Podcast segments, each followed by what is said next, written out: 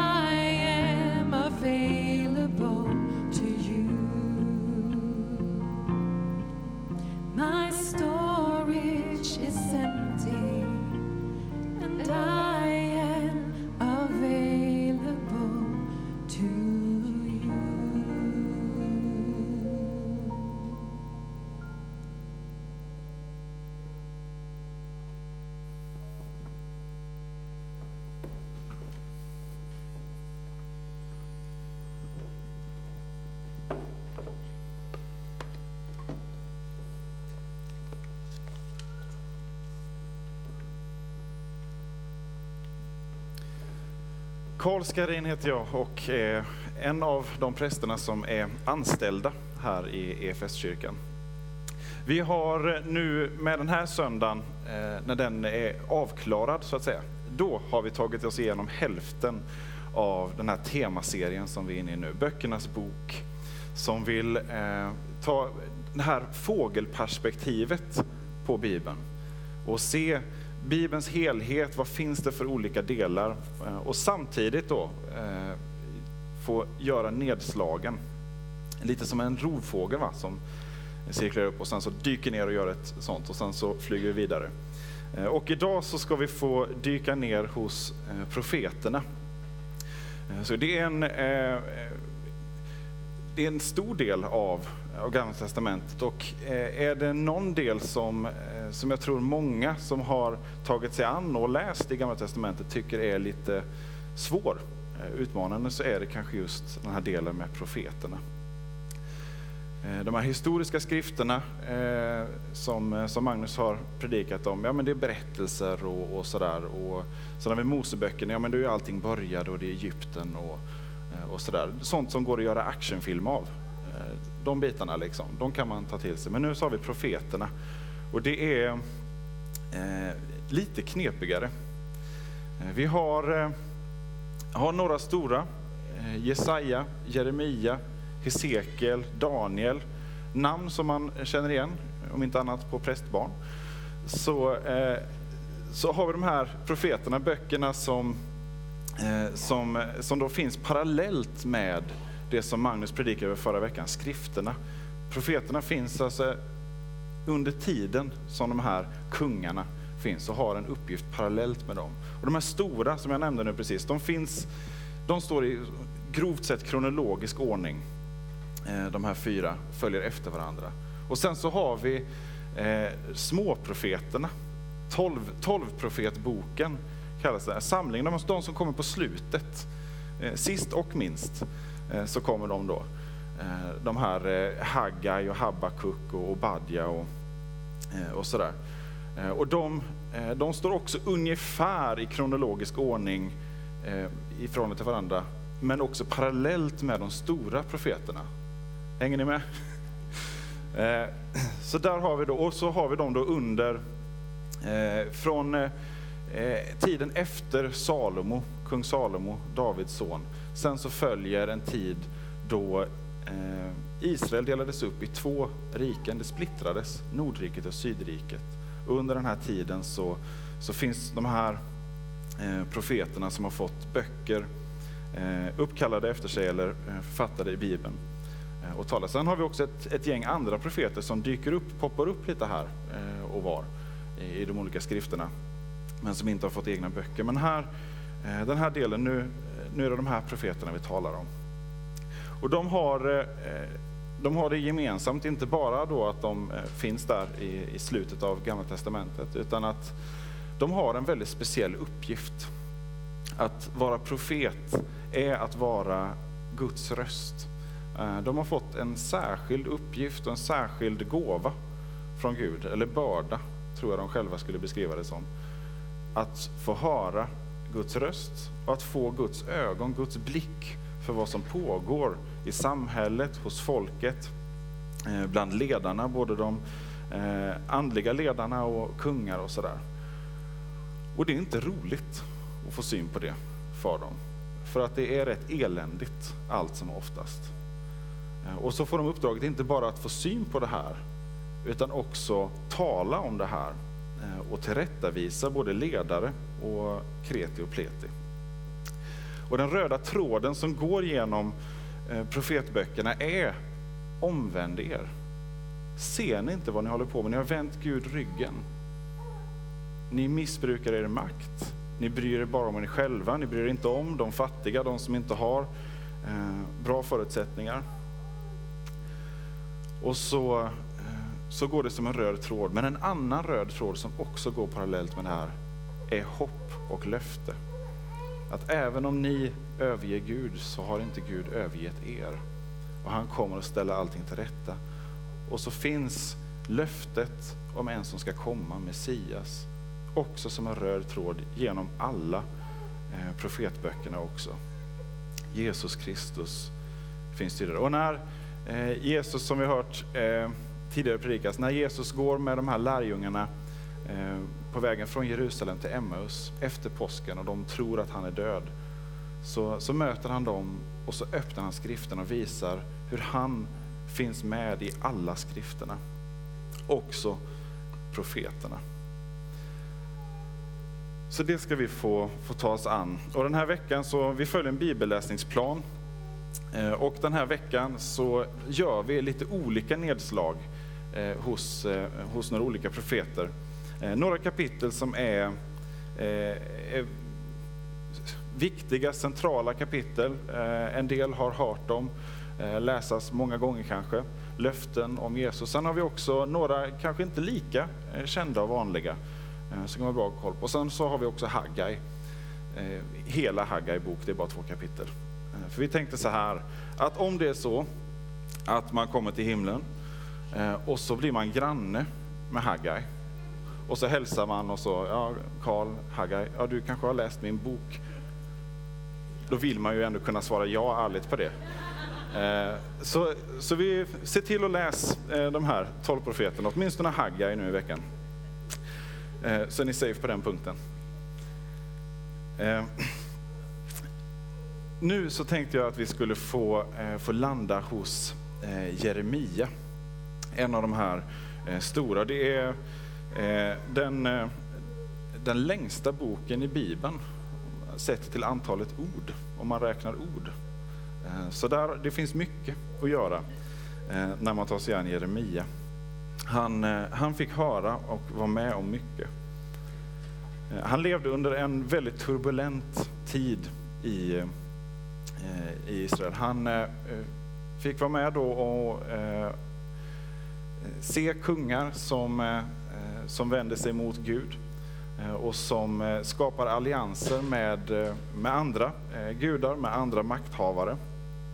Och Assyrien har erövrat Nordriket.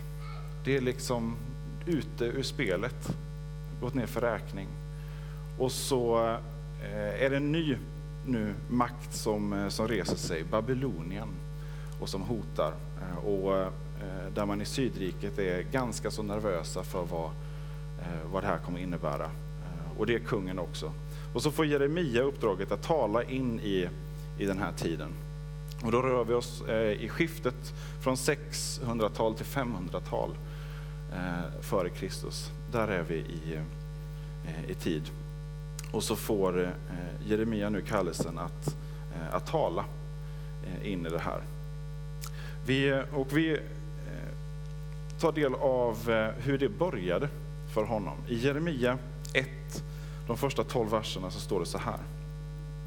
Detta är Jeremias ord, Han var son till Hilkia, en av prästerna i Anatot i Benjamins land.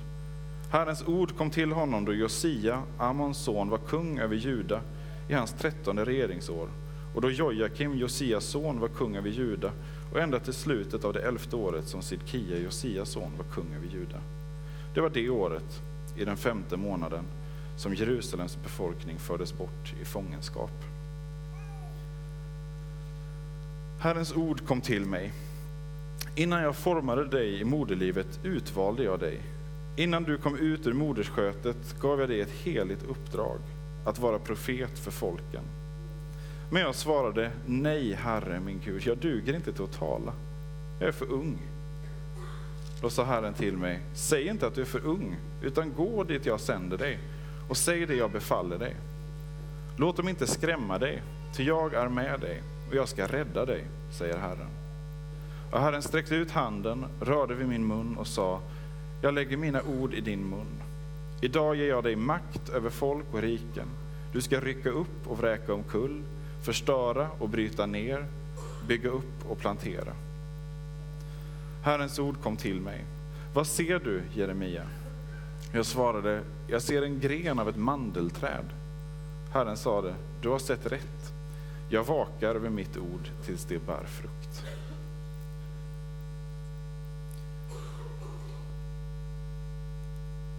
När Gud ger Jeremia det här uppdraget så, eh, så är det som att Jeremia eh, redan från början förstår vad det innebär. För han tar ett steg tillbaka direkt. Nej, det här går inte. Eh, han förstår redan innan Gud har gett honom programförklaringen att det här med profet, det är inte, det är inte något glassigt jobb.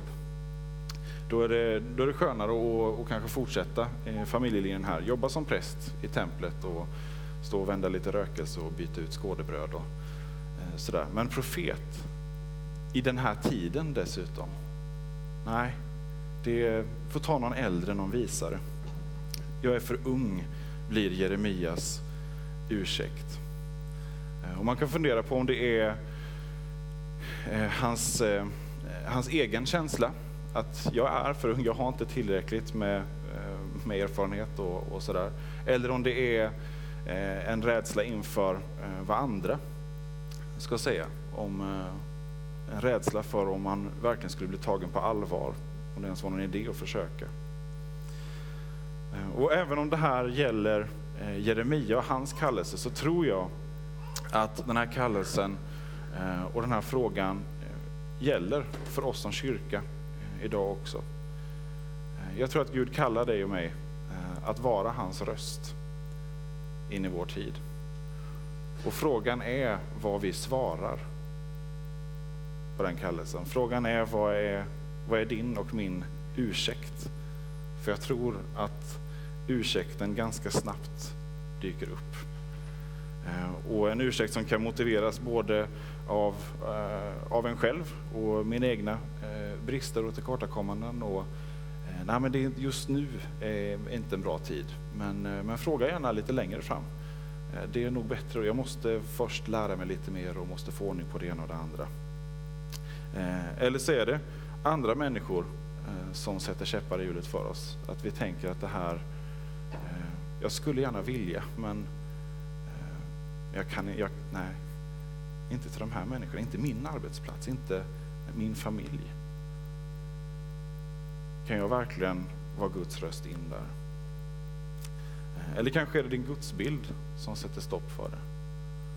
Eh, där du inte tror att Gud som är god skulle vilja eh, kunna ha med dig att göra. Det, nej, han är nog bara intresserad av andra. Vi, vi hittar ständigt anledningar att bortförklara eller relativisera Guds kallelse till oss. Det uppdrag som, som han har gett oss som kristna. Och Guds svar till Jeremia här är intressant. För han bemöter inte eh, Jeremias ursäkt. Det är inte så att Gud kommer med en, eh, en replik. Jo då, men du är så stark och, och eh, minsann, det här klarar du. Han struntar fullständigt i det som Jeremia anger som, som sin ursäkt. Utan han säger, säg inte så. Utan gå dit jag sänder dig. Tala det som jag befaller dig. Gud är ganska ointresserad av dina mina ursäkter, om de är välgrundade eller löst grundade. Han är intresserad av vår tilltro att gå när han kallar oss. Det andra som vi lyfter fram, säg inte så. Säg inte så. Jag kallar dig. Och så får eh, Jeremia ta emot Guds ord. Jag lägger mina ord i din mun. Det är, det är hela Jeremias ärende. Det handlar inte om att han bygger sin verksamhet, startar sin eh, profetskola där han får vara eh, profetrektor och styra och ställa. Eh, han bygger inte en karriär på det här. Utan hans ärende är Guds ord. Mina ord lägger jag i din mun. Det är hela Jeremias uppdrag. Och det innebär att han får makt att bryta ner. Han får varna för Babylon, han får eh, varna för det tillståndet som är eh, i landet och med folket där eh, orättfärdigheten och egoismen regerar. Han får peka på synden, avslöja korruptionen. Han bryter ner ledarskapet och, och folket fullständigt. Det bygger man ingen framgångsrik karriär på. Att vara visselblåsare. Att vara den som, när ingen annan reagerar, när ingen annan verkar se korruptionen eller orättfärdigheten på den plats man är och det bara brinner till här i Jeremias hjärta därför att han har fått syn på det här. Ja, då måste han peka på det. Han blir en visselblåsare. Och sådana är aldrig uppskattade förrän efteråt när opinionen har vänt. Så Jeremia får möta eh, enorm förföljelse. Eh, han får eh, sina skrifter som han har fått nedtecknade, de eh, eh, sliter kungen sönder. Eh, men han får dem nedskrivna på nytt. Så kungen blir inte av med de här tilltalen. Han blir nedkastad i en håla och lämnad att dö. Men Gud är med honom genom allt det här. Det är ett fruktansvärt hårt uppdrag att vara den som till synes ensam påtalar det som är fel och ont. Men Gud är med honom. Och det Jeremia får tala är inte bara att sätta fingret på det som är fel. Utan han får också plocka upp den här andra röda tråden som finns genom profetuppdraget, där han får tala om hoppet. Jeremias budskap är hårt eh, och det är tungt att, att ta till sig. Därför att han lägger så otroligt stor vikt vid hur, hur förödande det blir när vi vänder Gud ryggen. Och när orättfärdigheten får råda i våra liv och i samhället. Men han gör det aldrig utan hopp, aldrig utan löfte om att Gud är med. Till och med när han säger att det är oundvikligt att Babylonien kommer erövra och föra bort folket. Det kommer att ske. Också då ger han löfte och hopp in i det. Men Gud kommer inte överge er. Han kommer att återupprätta. Det kommer bara vara för en tid. Och så får han också ge löftet om ett nytt förbund. Ett förbund trots att folket gång på gång överger Gud, så överger Gud inte folket utan kommer att sluta ett nytt förbund. Ett förbund som inte, eh, som inte kommer eh, att brytas utan som varar för evigt. Ett förbund där lagen eh, inte längre är någonting yttre och som, som vi krampaktigt försöker förhålla oss efter, utan någonting som får ges rätt i hjärtat. I tron på Jesus Kristus. Det hoppet får Jeremia vara med och ge. Ett hopp som har burit världen i 2000 år nu. Ett förbund som gör det möjligt till eh, världsomvälvande saker. Ett förbund som gör det möjligt för imperier att rasa, inte för att en ny eh, världsmakt reser sig, utan därför att den imploderar inifrån när rättfärdigheten och sanningen punkterar korruptionen och makten. Romarriket vittrade sönder när symbolen för eh, världslig makt och, och överdåd och eh, våldsmonopol och militärkraft, den rasar för att kristna vägrar att finna sig i de villkoren. Vi kan inte överge den Gud som inte överger oss och som vågar vara just då de här visselblåsarna som pekar på orättfärdigheten i kejsardömet, som vägrar böja sig under kejsaren, som dödas för det. Och det måste ha sett ganska hopplöst ut utifrån under tiden av förföljelse, när kyrkan förlorar medlemmar efter medlemmar. Men hela riket vänds upp och ner. Därför att i Jesu namn finns en kraft som i världens ögon är helt oansenlig, men som gör just det, vänder upp och ner på allting.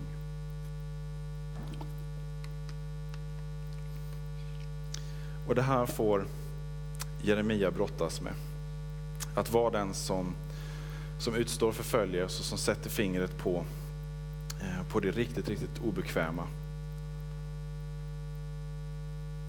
Men han får Guds kraft att göra det. Han är inte ensam i det här. Även om han i stunder säkert kände sig eh, ensam, eh, så bevisade Gud för honom, jag är med dig. Jag överger inte. Och eh, I slutet av den här kallelsen så får, eh, får Jeremia en bild för sig. Och Gud frågar, vad är det du ser? Jag ser ett mandelträd. Ja, du ser rätt, för jag vakar över dig. Och så funderar man på eh, logiken där. Men ordet för mandelträd på hebreiska och ordet för vaka är i princip samma ord. Det är bara en vokals skillnad.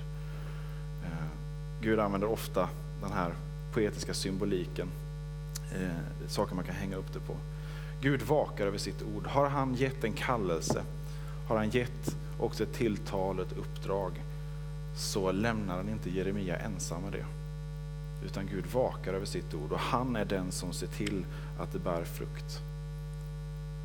Ett profetuppdrag, ett uppdrag att tala Guds sanning in i sin omgivning kommer inte falla platt till marken, kommer inte ha, vara utfört och sen så blir det inget mer med det.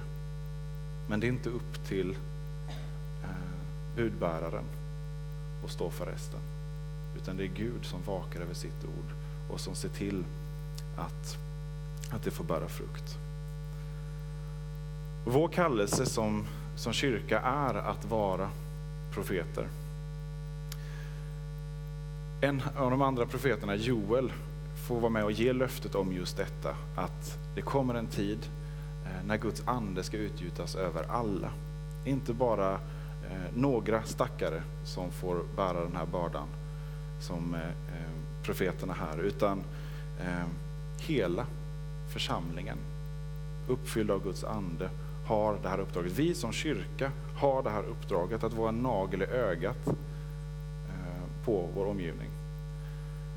Om, konflikt, om det finns en konflikt mellan att vara en nagel i ögat och att vara kulturellt relevant, eh, välj nagel i ögat, även om det andra är betydligt mer frestande. För det är eh, vad vårt uppdrag är. Att vara visselblåsare i den här världen. När saker och ting inte står rätt till och när det tycks som att vi är de enda som ser det. Vi kan inte vara tysta i en ond värld när vi ser ondska pågå. Vi får inte vara det. Och det kan ske på, på en mängd olika sätt.